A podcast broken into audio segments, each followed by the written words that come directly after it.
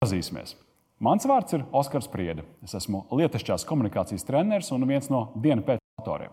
Kas ir diena pēc? Tā ir internetu mēdīņu platforma, kurā par intelekta attīstībai noderīgiem un svarīgiem tematiem tiek izjautāti viedokļi līderi Latvijā. Iekārtojas ērtāk, jo tevi sagaida kārtējā interesantā saruna. Tūlīt redzēsiet raidījumu, kurā dienu pēc līderība autora Agnese Strāzda sarunāsies ar Stelu Lapiņu, sievieti, kuru varas gaitiņos dēvē par vakcinācijas čempionu. Kādēļ tā? Vārds Agnesei. Šis ir jau ceturtais diena pēc līderība raidījums. To veltīsim līderu pieļautajām kļūdām. Par līderiem ierasts runāt cildeni, bet švakos līderus daudz aizmirst. Kā uzzināsiet šajā sērijā, ne viss ir melns un ne viss ir balts. Savā profesionālajā dzīvē pavisam nesen esmu satikusi, manuprāt, izcilu līderi. Tā ir Stēla Lapiņa. Arī manā ģimenē mana māsa pirms vairākiem gadiem pārmeta, ka es absolūti neinteresējos par jā, radiem. Tāpēc tu, tu taču esi priekšnieks, tev taču nav ko darīt. Viņa saka, kāpēc tu nevari atbraukt vai ar mums satikties. Viņa redz, ka man visu laiku tā, jo viņas priekšstats par to, ka es sēžu un parakstu dokumentus. Īstenībā tā arī dažiem cilvēkiem ir. Viņa ir centrālās laboratorijas un arī Veselības centra apvienības valdes priekšsēdētāja un bija līdzās atbildīgos mirkļos, kad Latvijā tika uzsākts vakcinēšanās process.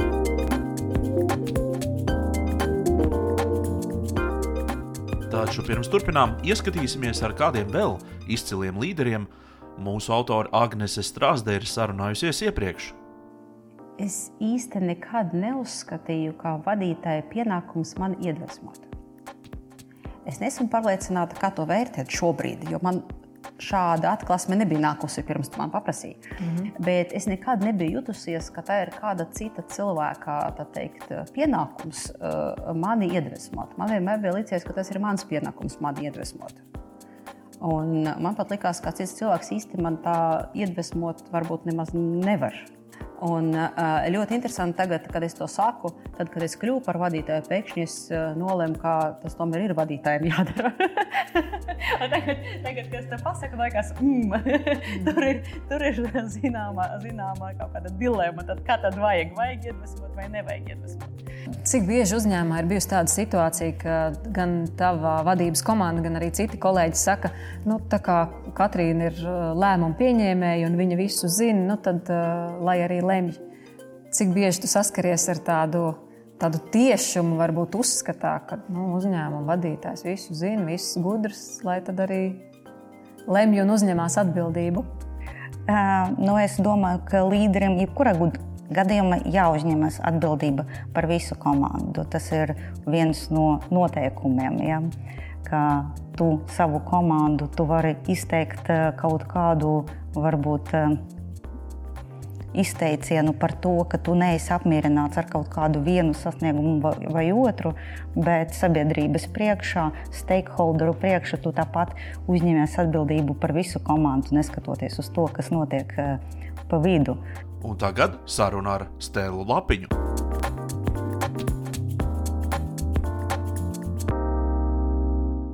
Man tāda uh, dalīta dzīve. Darbdienās es dzīvoju Rīgā un brīvdienās dodos uz aizkrauku. Vasarā biežāk, uh, tāpēc ka gaišs daba dārzs, kurā, protams, es strādāju ar vien mazāk pati. Būšu godīga, dārzs pietiekami skaists, bet ir pieņemts cilvēks. Kādreiz es to darīju pati. Vairs nav tam laika, absolūti, jo naktīs diezgan grūti rušināties. Daba, ģimene, atpūta. Tas ir tas, ka kaut kāda grāmata, brīvdienas, bet man ne visas brīvdienas man sanāk atpūsties, jo bieži es ņemu darbu uz mājām. Tas ir slikti, bet es nepaspēju darba dienās. Nu, Bet, principā, man šodien, šodienas situācija pagaidām nu, pietiek vienas dienas. Reāli atpūsties nedēļā. Ja? To dienu vajag. Ja, ja viņa ir, tad principā dzīve ir izdevusies. Ir stela tāds brīdis, kad tu noliec telefonu nost uz vairākām stundām. Nē, nekad. nekad ja? ja man nav telefons blakus ilgāk par desmit minūtēm, es sāku nedaudz uztraukties. Tā ir tāda jau atkarība, tāpēc ka tu visu laiku esi tādā. Mm, bet Citādi nav iespējams. Nu, Mēdz teikt, ka mm, lieliskiem līderiem jāmāk balansēt starp fokusu uz rezultātu un fokusu uz komandu, kas to rezultātu nodrošina. Kā tu vērtē sevi skalā no 1 līdz 10? Gan kā cilvēks, kas ir orientēts uz rezultātu, gan arī savas komandas nu, tādā harmoniskā uh, vadīšanā? Nu, protams, es esmu cilvēks, jūs saprotat, kas orientēts uz rezultātu arī ģenētiski. Jo gribās pirms tas, tā zināms, teicamnieces sindroms. Arī acīm redzot, pateicoties vecākiem, tur mana nopelna ir maz. Vienkārši gribās būt nu, pirmajam. Uh, Bet es simtprocentīgi varu pateikt arī skalā desmit, kad pirmkārt ir cilvēki. Jo to es esmu sapratusi, iemācījusies, viens pats nav cīnītājs. Tu vari būt, lai tu vari stāstīt, cik tu esi gudrs, labs līderis, cik tu esi labs vadītājs. Bet, ja tev nav blakus tie cilvēki, kas ar tevi ikdienā iet tajā karā, ja, dzīves, tu nebūsi nekad nekas. Jo tas ir pamatu pamats. Un, principā, es vienmēr fokusējos uz cilvēkiem, absolūti, un uz tiem, kas man ir blakus, un, un, un kā, tie tuvākie, un arī tālākie. Jo katrs ļoti svarīgs. Katrs medicīnas māsa, kas strādā Daugopilī vai laborants vai laboratorijas speciālists, īpaši svarīgs. Ja? Īpaši svarīgs. Nu, Viņš pazīst visu. No 1 līdz 10. Tā vēlme rezultātu sasniegt un vēlme atbalstīt komandu? 10, 10. Mm -hmm. Viss tikai augstākajā Jā. līmenī. Bet uh, nedaudz virzoties tēlā arī uz to, nu, teiksim, to līderības problemātiku, ja, ja bailes kļūdīties un, un uh, bailes šīs kļūdas arī atzīt. Uh, man ienāca prātā viena, nu, teiksim, viens aspekts, interesants, ka tā kā tu pārstāvi medicīnas nozari, tad nenoliedzami tu redzi arī šo nu, teiksim, agresīvās vadības vai nepietiekošās vadības stila rezultātus uz cilvēku veselību. Ja? Tā tad vai nu tur ir uh, veģetatīvā distonija vai, vai kādi citi ar stresu radīti uh, veselības traucējumi. Ko tu novēro šobrīd? Kas, kas, teiksim, kas notiek? Jā, ja domāju, ja mēs runājam par veselības aprūpes darbiniekiem, cilvēkiem, personālu, tad, protams, pirmkārt ir izdegšanas sindroms ir jārēķinās. Izdegšanas sindroms jau bija pirms tam, jo, kā mēs runājam, jau pirms šī raidījuma cilvēku trūkst, cilvēku resursu mums Latvijā ārkārtīgi trūkst, un nekas netika risināts pirms tam. Visu laiku par to visi runāja, visi runāja, visi piekrita. Un, Vakar mums bija konference, vadas konference, arī uzstājās ministrs. Un atkal par to pašu runājam. Visi mēs saprotam skaitļi, bet aiz tiem skaitļiem ir neaprūpētie pacienti. Mēs saprotam, mums ir pietiekami augsta mirstība slimnīcās viena iemesla dēļ, tāpēc, ka trūkst vidēji met personāla ārsta. Mums ir fantastiski, bet ārsts nevar izstāvēt katram pacientam blakus. Un, ja mēs paskatāmies statistiku, kā ir attīstītajās valstīs, tad tā situācija ir labāka. Mm. Bet ko līderis, teiksim, Pirmkārt, jau tas, tas ir rezultāts, līdera darba rezultāts. Ja, ja cilvēki un komanda jūtas slikti un viņiem ir šie stresa apstākļi un, un, un, un, un slikta darba vide, bet ko teiksim, tu kā līderis vari darīt, lai tā izdegšana tavā komandā un tavās komandās būtu mazāka Un vispār kā līderiem par to domā? Ah, ziniet, kā Covid, COVID pandēmijas sākums, pēdējie, mēs visu laiku esam dzīvojuši principā, pietiekami stresainā vidē. Ja? Bet tas bija, nu, tomēr es uzskatu, pietiekami, nu, šodien skatoties, absolūti normālu dzīvi. Un, ja mēs salīdzinām laboratorijas uzņēmumu un veselības centra apvienības, ikdienas darbu, tad ārstniecības pusē daudzreiz vismierīgāk. Daudzreiz mierīgāk, tāpēc, ka tur tomēr to pacientu skaits ikdienā nav mērams tūkstošos kā laboratorijā, un līdz ar to problēma, protams, arī proporcionāli ir mazāk. Bet pandēmija, protams, ienesa nenormālu stresu visiem. Un šodien mēs redzam, ka izturējuši tikai tie, kas spēj izturēt, jo visiem ir kaut kāda ideja. Ideja, kāda mēs gribam būt labākiem, mums jāpalīdz pacientiem. Mēs esam vienkārši tie, tie cilvēki, kas spēj to izturēt izturēt. Jā, tie, kas nespēj izturēt, vienkārši, diemžēl, aiziet. Mm. Bet vadītājs tomēr, ja, mēs domājam par sabiedrības tādu eh, labbūtību un ilgspēju, vadītājs tomēr var kaut ko darīt, lai mazinātu šo. Protams, protams. tev visu laiku ir jājūt tas cilvēks, un viņam pirmkārt jā, vienmēr jāpasaka paldies. Ne tikai materiālajā veidā, bet arī jā, jā, jānovērtē viņa darbs. Un tas ir ļoti būtiski. Man tas nāk noteikti ļoti dabiski, tāpēc ka man nav jāpiedomā, jo es esmu cilvēks, kas spējīgs pateikt paldies noteikti par darbu visos apstākļos un būt kopā ar viņiem. Tas ir ļoti svarīgi. Um. No vienas puses ir ļoti daudz literatūras par to, kā līderiem nekļūdīties uh, vai mazāk kļūdīties, un tāpat tās ir literatūra par to, kā pieņemt kļūdas, jo kļūdā, kļūdās mēs topam par labākiem, labākām savām versijām. Um, bet tomēr, neskatoties uz to, ka tā literatūra ir uh, vadītāja kļūdās, un mēs varbūt uh, parunāsim pēc tam arī par tām tipiskākajām kļūdām, uh, kāpēc tas tā ir? Mēs nemācāmies, mēs nav laika, citi iemesli. Mēs esam visi cilvēki. Absolūti. Es nepazīstu laikam nevienu cilvēku, kas nekļūdās. Un ko nozīmē kļūda? Kļūda nozīmē jums. Uh, tiek kaut kāda apstākļu sakritība, un jums liekas, ka tā ir kļūda. Citam tā varbūt ir izaugsme, citam tas absolūti nav nekāda kļūda, bet ir veiksme. Tas ir ļoti tāds, man liekas, ļoti filozofisks stāsts attiecībā par kļūdām. Bet, kas attiecas uz kļūdām, jūs ļoti labi pateicāt, ka viņas pilnveido visus cilvēkus. Un, un, manuprāt, es kaut kur lasīju, ka kļūdas labāk viena, D7 kļūdas nekā viena veiksme, tāpēc, ka tu vienkārši uz tā visa izaudz. Un man nav bail kļūdīties, pateikšu godīgi.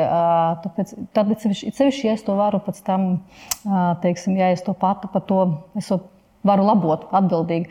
Man liekas, ir bail vairāk no tādām lietām, ko es nepārvaldu. Ja, respektīvi, jo visu nelabo, nelabojama lieta šajā dzīvē ir tikai viena cilvēka nāve.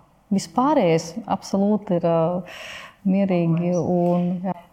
Eh, paturpinot to tavu ideju, labāk septiņas reizes kļūdīties eh, un, un vienu reizi būt veiksmīgam, jo, jo no kļūdām mācāmies. Eh, vai tu vari lūdzu savā darba dzīvē nosaukt epizodi, kur tu uzskati kā līderis? Varbūt ne, ne gluži tur, teiksim, procesos, ja kaut kas nav nostrādājis, bet tu kā vadītājs, kā līderis esi kļūdījusies. Nu, noteikti. Un, un ja var lūgt, tad vienu piemēru. Kas... Uh, es nedaudz jā. padomāšu uh -huh. par to mhm. piemēru. Tagad uzreiz varbūt pat vairāk procesos, kā līderis man pat grūti šobrīd atrast, bet es padomāšu varbūt laika gaitā kaut ko atcerēšos.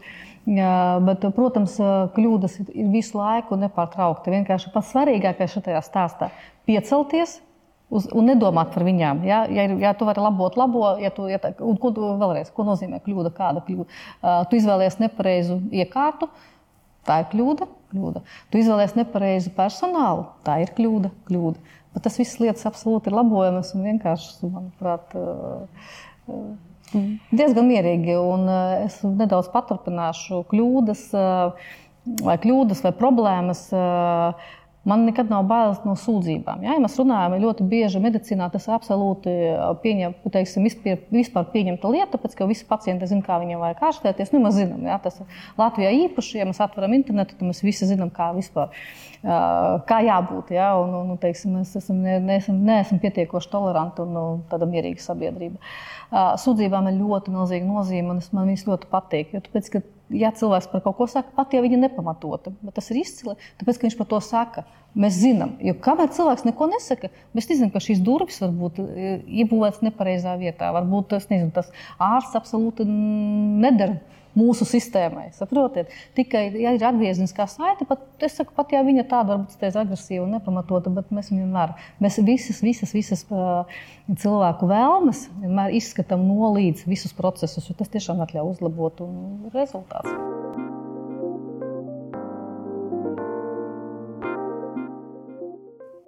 Tiešām prieks atkal jūs satikt dienu pēc, kas nekad nebeidzas, jo mūsu arhīvs un aktuālajā raidījumā dzīvo sociālajos tīklos. Viss, kas jums atliek, nospiest subscribe pogu YouTube kanālā, kā arī to zvaniņu blakus, lai nepalaistu garām sev interesējošu sarunu.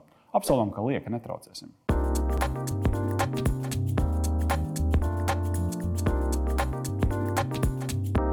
Sarunas otrajā daļā iztirzāsim piecas galvenās kļūdas, kuras parasti pieļauj līderi. Kuras no tām ir iepazinusi mana viesņa Stela Lapiņa? Skatieties raidījuma turpinājumā.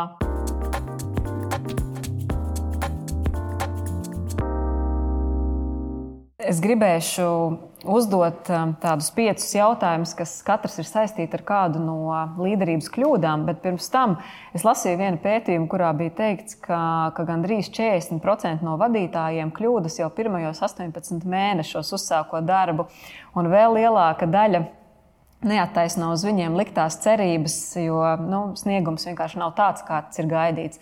Pieņemsim, bija izcila laborante, likās, ka varētu arī vadīt komandu, kā piemērs. Un iedod to mandātu, un nenotiek. Ko tu domā par šiem skaitļiem? Tie 40% pirmajos 18 mēnešos. Precīzi, pat laikam, ticamāk, ātrāk, jo es pieņemu darbā diezgan daudz cilvēku. Un, teiksim, tādās teiksim, vadošajās pozīcijās, filiāļu vadītājs. It, it kā izklausās ļoti vienkārša pozīcija, bet filiālas laboratorijā ir 65, ja nerunājam par Covid. Tā ir visa Latvija. Respektīvi, cilvēkam ir jābūt pietiekami stipram. Tas ir pozīcija, kas izkristalizējas vairāk, nu, divu, trīs mēnešus atpakaļ. Mēs sapratām, ka mums tāds cilvēks ir vajadzīgs vajadzīgs, mēs meklējam kolēģi. Pie atlasījām piecus vai sešus cilvēkus, kuri jau atbilst gan izglītība, gan, gan pieredze, gan viss. Tad, protams, es, tālāk, tā, es jau ar viņiem tiekos pati, tāpēc man ir ļoti svarīgi cilvēku. Un es skatos cilvēkam, rambi, es gribu, es būšu vadītāja, es varu. Okay, mēs esam iedevuši praktiski šobrīd četriem cilvēkiem šādu šo iespēju pamēģināt. No šiem četriem cilvēkiem ir viens ir aizskieries. Tad tieši cauri tādām pieciem, pieciem nu, kļūdu vai jā, es teiktu, tādu kļūdu virzieniem un, un gribēšu lūgt, vai, vai tev kādreiz ir bijis tā, ka tu sajūti šo aspektu, Tad, vai kādreiz ir bijis tā, ka tev iezogas tāds ego, nu, ego kā. Noteikti, jā. noteikti tas būtu. Jā, protams. bieži vai? Nu, bieži nav, tāpēc ka vienkārši tam nav laika. Mm. Jā, un, un, kad, un kad tas notiek? Uh, grūti pat pateikt, kad tas notiek. Bet Kaut kad, kaut kad notiek, es pat šobrīd nevaru pateikt, tas izjūtas. Protams, es esmu tikai cilvēks. Protams, ka egoisms, mēs esam egoisti. Bet tas ātri pāriet noteikti. Tāpēc, ka es saku, dzīves nav laika daudz par to domāt. Teiksim. Vai tev kādreiz iezogas doma, ka vieglāk visu būtu nu, savaldīt, ja visi būtu tādi pati kā tu? Mēs it kā runājām par to līdzību. Uh, Un atkal ir šī mantra, ka tomēr komandai jābūt dažādai. Bet vai tu domā, ka, okay, nu, ja visi būtu tik ātri tajā manā komandā, mēs būtu daudz labāki? Nē, tāpēc ka visiem nevajag būt ātriem. Tā ir struktūra. Ātriem jābūt tiem, kas ir kaut kāda vadošais postījums, kuriem jārēģē, kuriem jāorganizē, kuriem ir jādomā. Tā. Nākošie cilvēki, kas dara ikdienas darbu, tie ir laboratorijas speciālisti, kuriem jābūt ārkārtīgi laboratorijas ārsti, kuriem jābūt ārkārtīgi uzmanīgiem, mierīgiem, nosvērtiem. Viņiem absolūti nekur nav jāskan, viņiem jāskatās.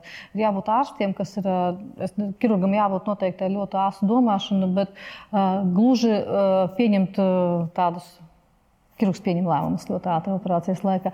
Bet, uh, tas nav, nav labs salīdzinājums. Bet, uh, Ir pozīcijas grāmatvedis. Ir ļoti svarīga pozīcija, kurā uzņēmumā. Nu, es nedomāju, ka viņam būtu ātri jāpieņem lēmumi. Viņam jābūt tādai sakārtotai personai. Um.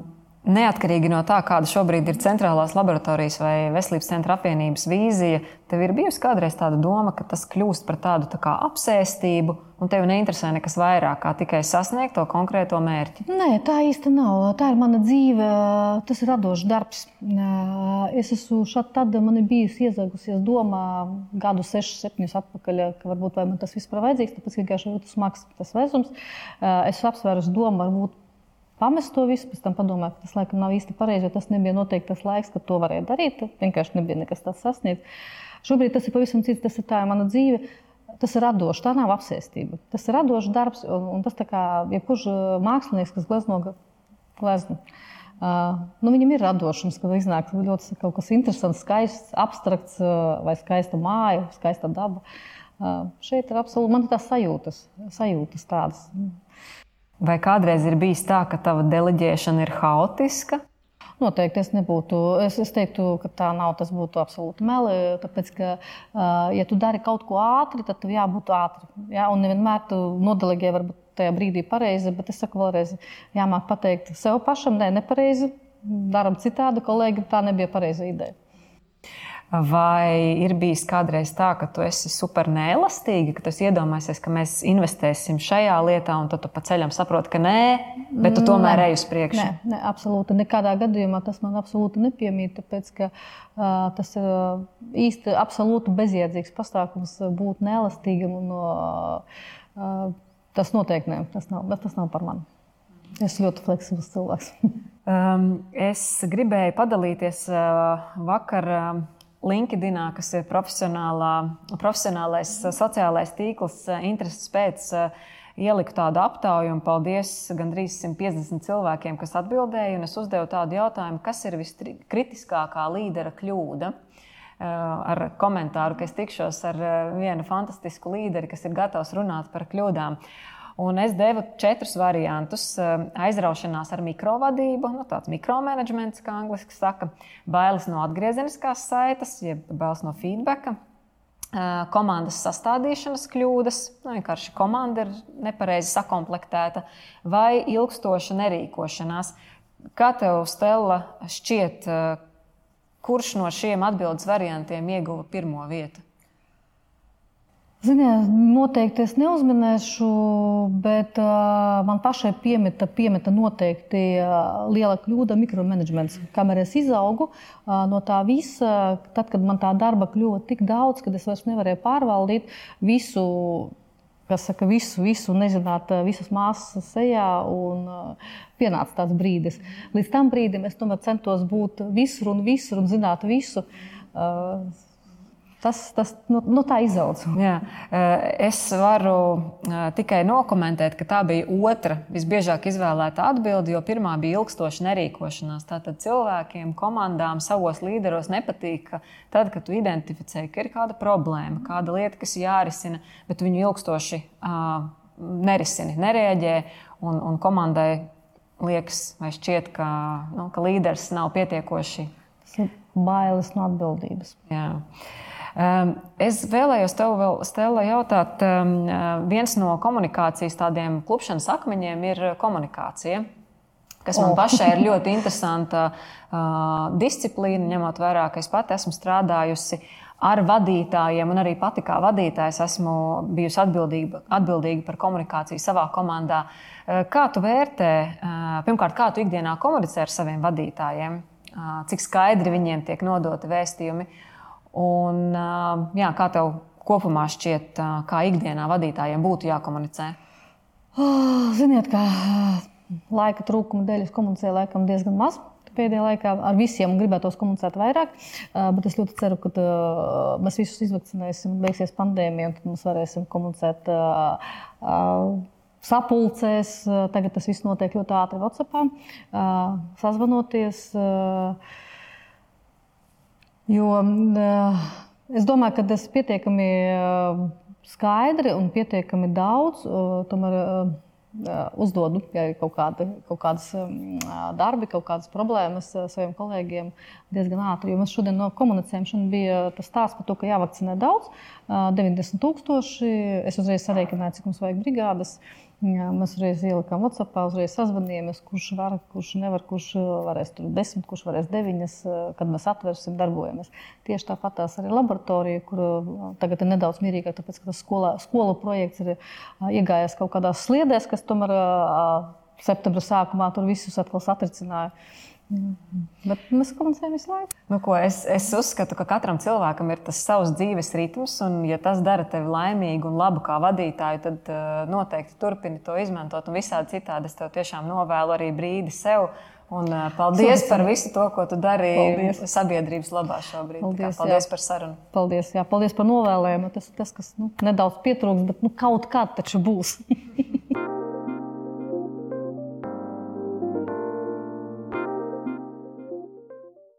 es pārliecinājos principā, par faktu, ka tas, ka viņa no malas izskatās ātri, ļoti ātri reaģē, ir arī viņas pašas teikt, tāds kaivs, kas viņai ikdienā patīk kā, kā, kā vadītājai. Man liekas, ka no tā nevajag baidīties. Jo kas bieži vien tiek teikts, tiek teikts, ka tev ir jābūt nosvērtam, tev ir jāapdomā un tad tev ir jārēģē. Bet Stela ir ļoti nu, ekspansīva, ātra. Un paskaties, ar to pašu ātrumu un ekspansivitāti viņi ir izcili. Viņi visu paspēja izdarīt, un vēl pie tam komanda ir laimīga. Nu, ko vēl vairāk vēlēties? Diena pēc arhīvā atradīsiet arī sarunu ar Agneses Strāzdas ilgadējo vadītāju un priekšnieku Aināru Ozolu. Nu, tas nu gan ir tiesa, ka vispār jau cilvēks ir būvēts tā, ka pārmaiņas viņam nepatīk. Un tās pārmaiņas jau var uh, nu, dzīt uz priekšu, veicināt, darīt. Nu, tas zirgs, kuru, nu, kurš pats strauji iet uz priekšu. Ja? Un tad pavisam nu, teiksim, tā godīgi, nu, man pašam nekad nav bijis tik daudz enerģijas, lai tā enerģiski jauktu teiksim, pastāvošo iekārtu, aicinātu uz pārmaiņām tam līdzīgi. Līdz ar nu, man kā vadītājam, lai sasniegtu mērķus, man jau to vajag. Ja? Un līdz ar to teiksim, nu, liekas, viena no tādām nepieciešamām spējām cilvēkam ir nu, pašam paskatīties un objektīvi sevi novērtēt. Vai nu man pašam ir tā enerģija, nu tad es iešu pa priekšu visiem. Ja? Vai nu, ja es nejūtu, ka man tā enerģija ir, tad, acīm redzot, man jā, jālūdz vai jāsagaida, ka kāds cits man uzticams, inteliģents, izglītots, zinošs cilvēks to ies un to ūdeni šķels, ja, un to vilnu šķels un tās pārmaiņas. Un tad, protams, man ir jārēķinās, ka ne jau visiem tās pārmaiņas patiks. Šīs un vēl citas sarunas meklējiet diena pēc arhīvā, YouTube un Facebook kanālos.